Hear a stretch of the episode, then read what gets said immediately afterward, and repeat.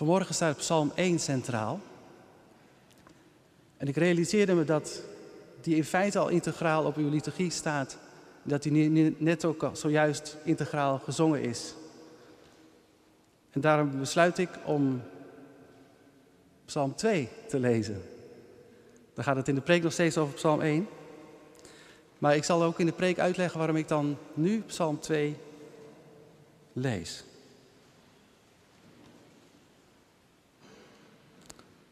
En daar staat: Waarom woeden de heidevolken en bedenken de volken wat zonder inhoud is? De koningen van de aarde stellen zich op en de vorsten spannen samen tegen de Heere en tegen zijn gezalfde. Laten wij hun banden verscheuren en hun touwen van ons werpen. Die in de hemel woont zal lachen. De Heere zal hen bespotten. Dan zal hij tot hen spreken in zijn toren, in zijn brandende toren hun schrik aanjagen. Ik heb mijn koning toch gezalfd over Sion, mijn heilige berg. Ik zal het besluit bekendmaken.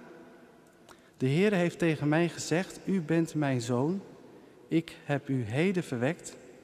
Eis van mij en ik zal u de heidenvolken als uw eigendom geven, de einden der aarde als uw bezit. U zult hen verpletteren met een ijzeren scepter.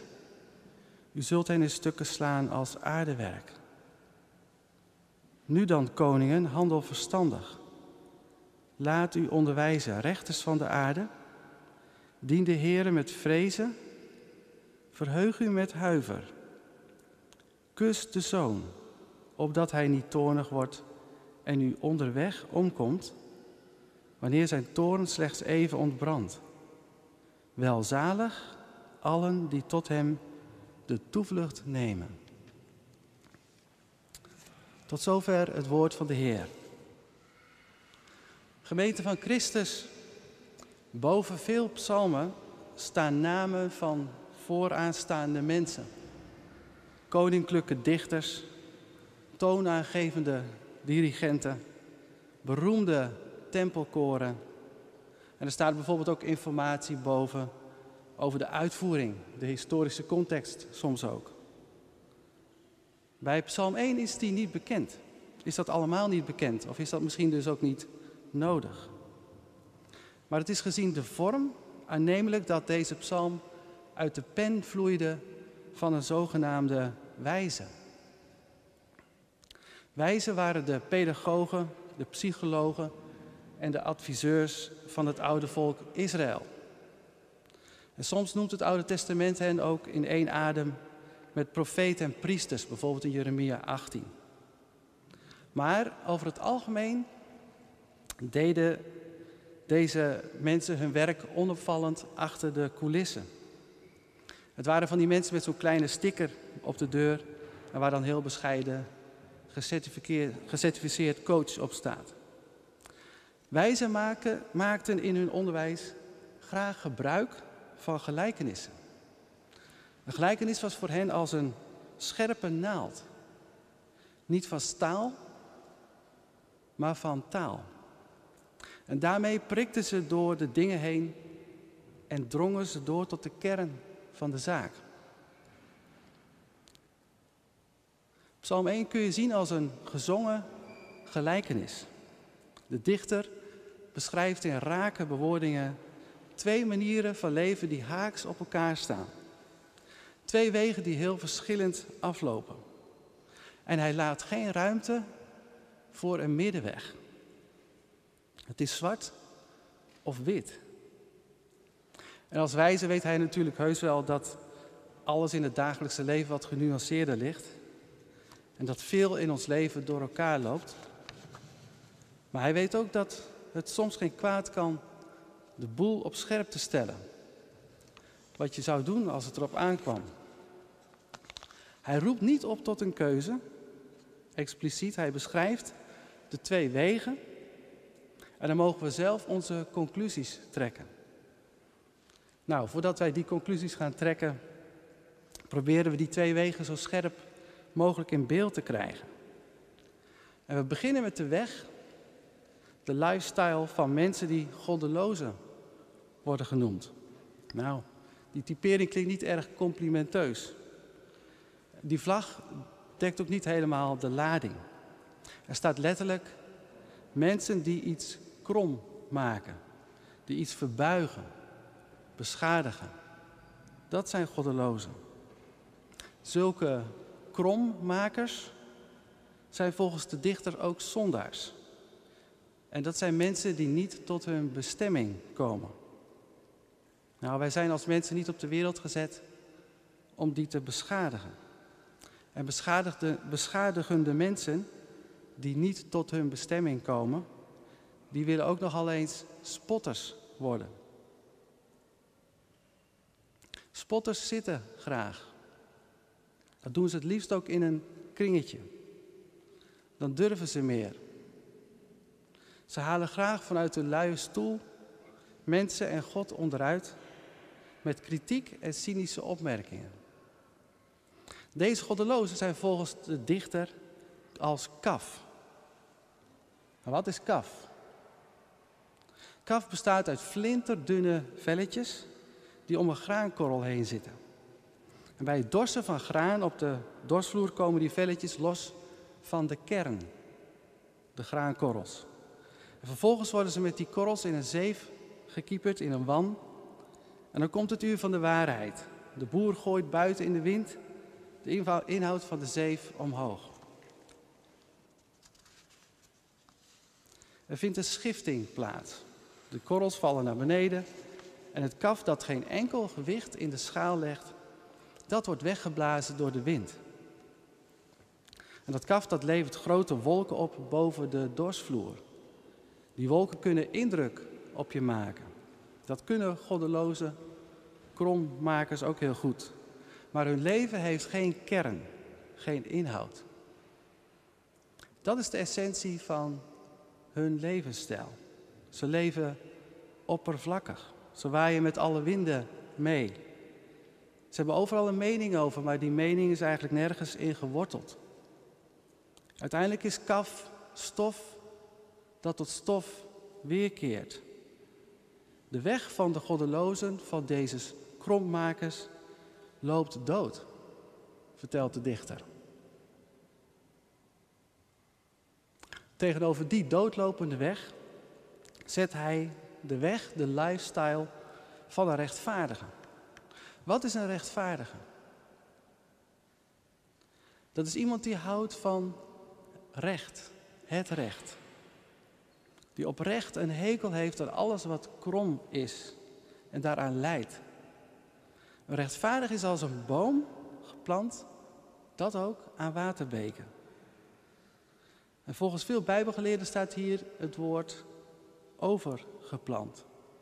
Als mens sta je blijkbaar niet vanzelf op de juiste plek. Je moet je laten overplanten aan waterbeken. Bij die beken moet je niet aan grote rivieren denken, die bruisend zich in een kloof storten. Of die als brede rivieren traag door laagland gaan. Het gaat hier om kleine irrigatiekanalen. Een boom die geplant is aan deze kanaaltjes is niet afhankelijk van regenbuien, van rivieren die kunnen zwellen, maar ook weer kunnen opdrogen. Deze boom kent een constante toevoer van water via een systeem dat door iemand is aangelegd die het ook onderhoudt. Wat een prachtig beeld, vindt u niet? Wat een schitterend stoer beeld, zo'n boom aan waterstromen, een kruin, frisgroene bladeren, stevige takken, een fikse stam en onzichtbaar, maar enorm belangrijk, de wortels. En hoe oud zo'n boom ook wordt, hij krijgt geen rimpels, alleen maar jaarringen. En dankzij de goede voeding groeit hij en bloeit hij. En mensen plukken er op zijn tijd ook de vruchten van. Zoals doorstromend water en voeding uit de diepte. Een boom bloeit en groeit. Zo vindt een rechtvaardige volgens Psalm 1 vreugde en voeding in de wet van de Heer. Hij overdenkt dag en nacht de wet van God. Dat woord van, voor overdenken, dat heeft iets van, van kauwen in zich. Gretig willen eten. Het wordt in het Oude Testament ook wel gebruikt voor het grommen van een leeuw die zich te goed doet aan zijn prooi. Voor een rechtvaardige is de wet van God, de Torah, dat, dat is zijn eten en zijn drinken. Daar koudt hij op en daar teert hij op.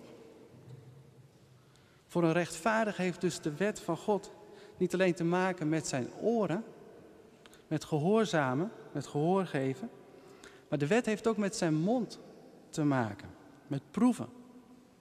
Daarin is God heel dichtbij.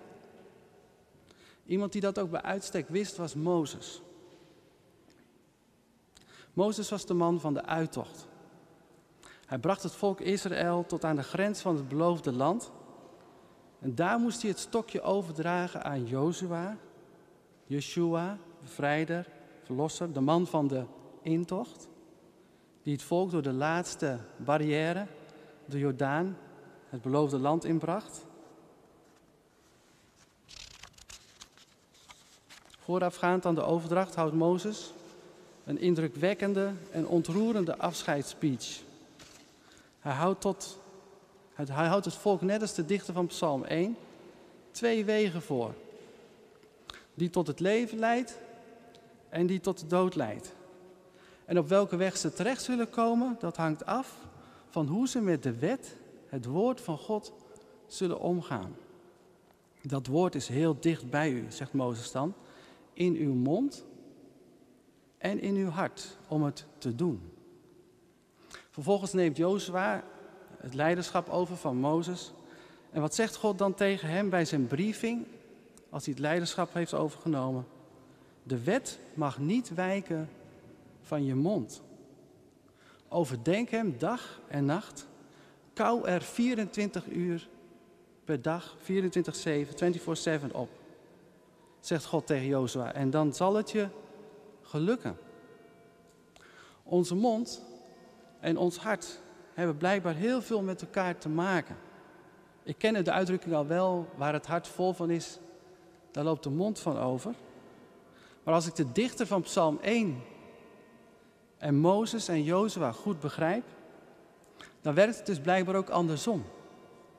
Waar de mond vol van is, daar loopt ons hart van over.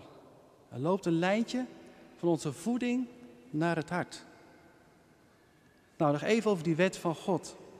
Daarbij moet je niet, dus niet aan allerlei regeltjes denken die je moet houden, die je moet afvinken.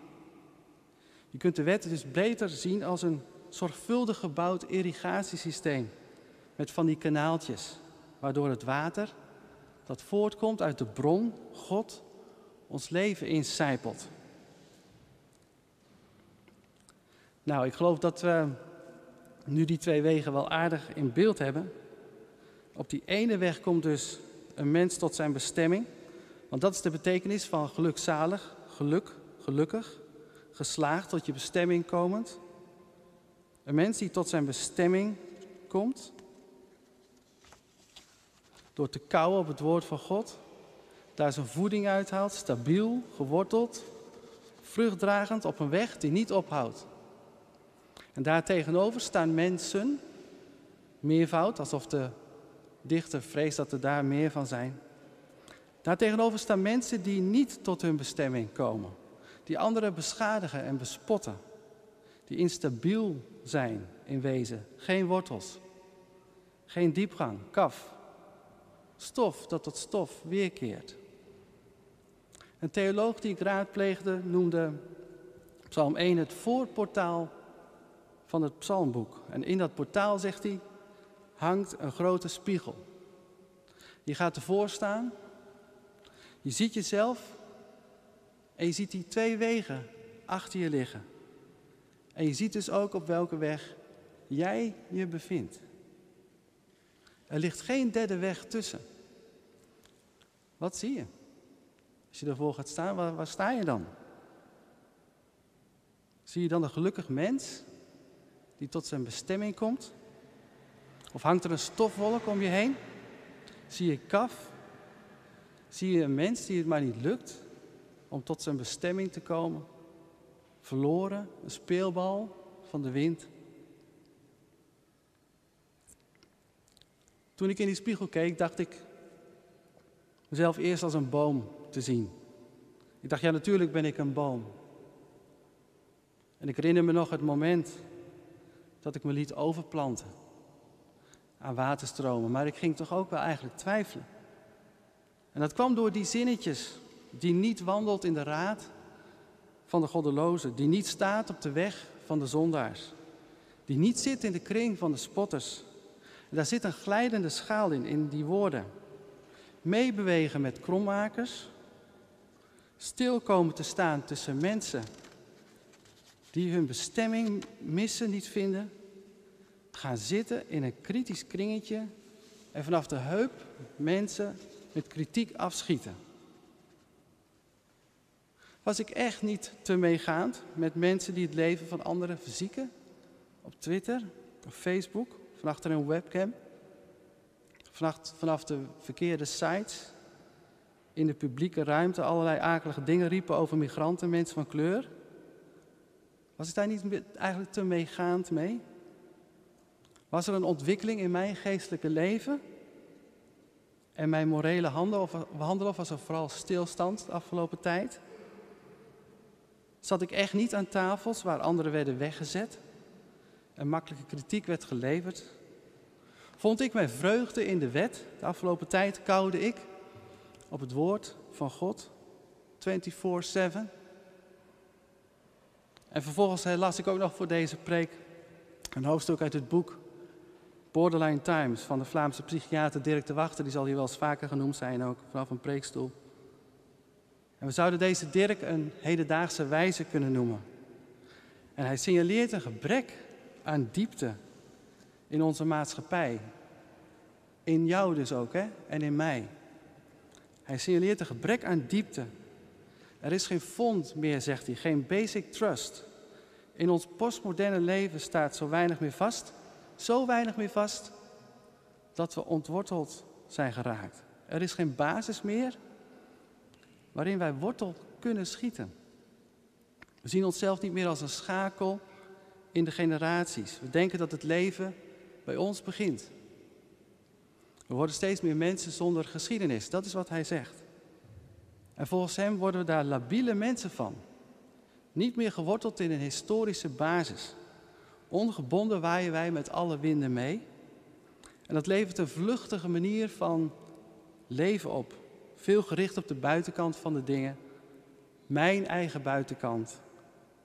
Nou, over kaf gesproken, de buitenkantjes van graankorrels. We proberen ons telkens met nieuwe dingen van de straat te houden, zegt hij. We zijn veel onderweg. Weg van de plek waar wij wonen. En dan eindigt hij dat hoofdstuk met een frappant zinnetje wat ik niet kon vergeten. Hij zegt, in het Westen lopen veel verbitterde mensen rond die op zoek zijn naar kiks. Ze botsen tegen een muur in een doodlopend straatje. Een doodlopend straatje heeft hij dan over. Dat klinkt toch wel behoorlijk als die weg van de goddeloze die volgens Psalm 1 doodloopt. Ik weet niet hoe het voor u is, maar ik loop voor mijn gevoel met één been op die weg van de goddeloze. En met dat andere been op de weg van de rechtvaardige. Zo voelt het. Ik herken me in die boom. Ik ken dat kou op het woord van God echt wel. Ik ken het verschil tussen eh, Gods slow food en de fast food van de commercie. Ik herken me gelukkig niet in de verbitterde mensen die de wachter beschrijft, maar wel in de oppervlakkigheid die hij beschrijft. Helaas. Dus laat ik het zo zeggen tegen die psalmdichter. Ik weet wel wat ik wil. Ik weet wel wat ik wil. Ik wil zo'n groene boom zijn. En ik weet ook hoe het zou moeten zijn. En hoe ik dat zou moeten zijn. Maar de eerlijkheid gebiedt mij te zeggen dat die praktijk nog wel eens anders is. Volgens mij vertel ik dan die wijze die Psalm 1 schreef, weinig nieuws. En waarschijnlijk vertel ik dan de wachter eigenlijk ook niet zoveel nieuws. Want volgens mij vullen al duizenden jaren sofa's zich met mensen die heel goed weten wat ze willen. Heel goed weten wat, hoe ze zouden moeten zijn. Maar dat lukt niet. De meeste mensen mogen dan misschien deugen. Dan zijn er nog steeds heel veel halfslachtige, oppervlakkige mensen over waar ik bij hoor. En jij misschien ook wel. Biedt Psalm 1 ons soelaas? Ja. Psalm 1 is namelijk maar de helft van het portaal van het psalmboek. Volgens Bijbelgeleerden horen Psalm 1 en Psalm 2 bij elkaar. Ze vormen samen het voorportaal van het psalmboek. En waar gaat Psalm 2 over? Over een koningszoon. Een koningszoon die wel erg veel te maken lijkt te hebben, laat ik het maar even zo zeggen, met God de Heer. En bij die koningszoon mogen wij schuilen. Dus Psalm 1 begint met een zaligspreking. Hij prijst de mens gelukkig die de juiste weg bewandelen. Psalm 2 eindigt met een zaligspreking. Hij prijst, die prijst de mens gelukkig die op die weg zijn toevlucht zoekt bij die koningszoon. Psalm 1 wijst ons de weg die naar het leven leidt. Psalm 2 vertelt ons dus bij wie we kunnen schuilen op die weg. De Messias, die ook wel Yeshua wordt genoemd. Psalm 1 is de spiegel in het voorportaal. En Psalm 2 zet daar niet een bordje naast dat verwijst naar de weg. Psalm 2 zet daar naast die spiegel een gids. Een gids die de hele weg met jou afwandelt, met jou bewandelt.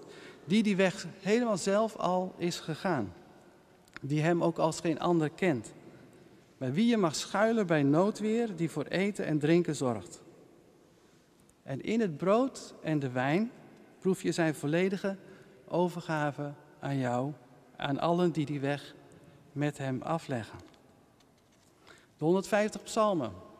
Ze beginnen met de wet, psalm 1. En het evangelie, psalm 2. Beide psalmen lezend ontdek je al snel dat het evangelie verborgen ligt in de wet en dat de wet verborgen ligt in het evangelie. In beide klopt het hart van dezelfde God. Die God is niet ver van ons. Hij komt heel dichtbij in zijn woord en sacrament, waarin wij horen en proeven hoe goed Hij is voor halfslachtige, oppervlakkige mensen. Er is geen betere plek om te zijn. Misschien vind je dat wel moeilijk om te geloven. Wil je het geluk eerst nog op andere plekken zoeken dan daar? Misschien moet je dat dan maar doen. Santiago, de herdersjongen uit de alchemist van Paulo Coelho, besloot een lange reis te maken op zoek naar een schat. En na vele omzwervingen deed hij een ontdekking. Het geluk dat hij zocht bleek verborgen te liggen zo'n beetje op de plek waar hij zijn zoektocht begon, waar hij vertrokken was. De schat lag namelijk in een vervallen kerk, waar hij vroeger met zijn kudde in schuilde. Nou, hij zal niet de eerste zijn die zijn geluk vond of hervond op de plek die hij daarvoor verliet, de kerk, een vervallen kerk. Misschien ben jij er wel één. Bent u er één? Ik was er één. En ik kwam erachter dat het beter is met Christus in een vervallen kerk te wonen dan in een prachtig penthouse zonder Hem. Amen.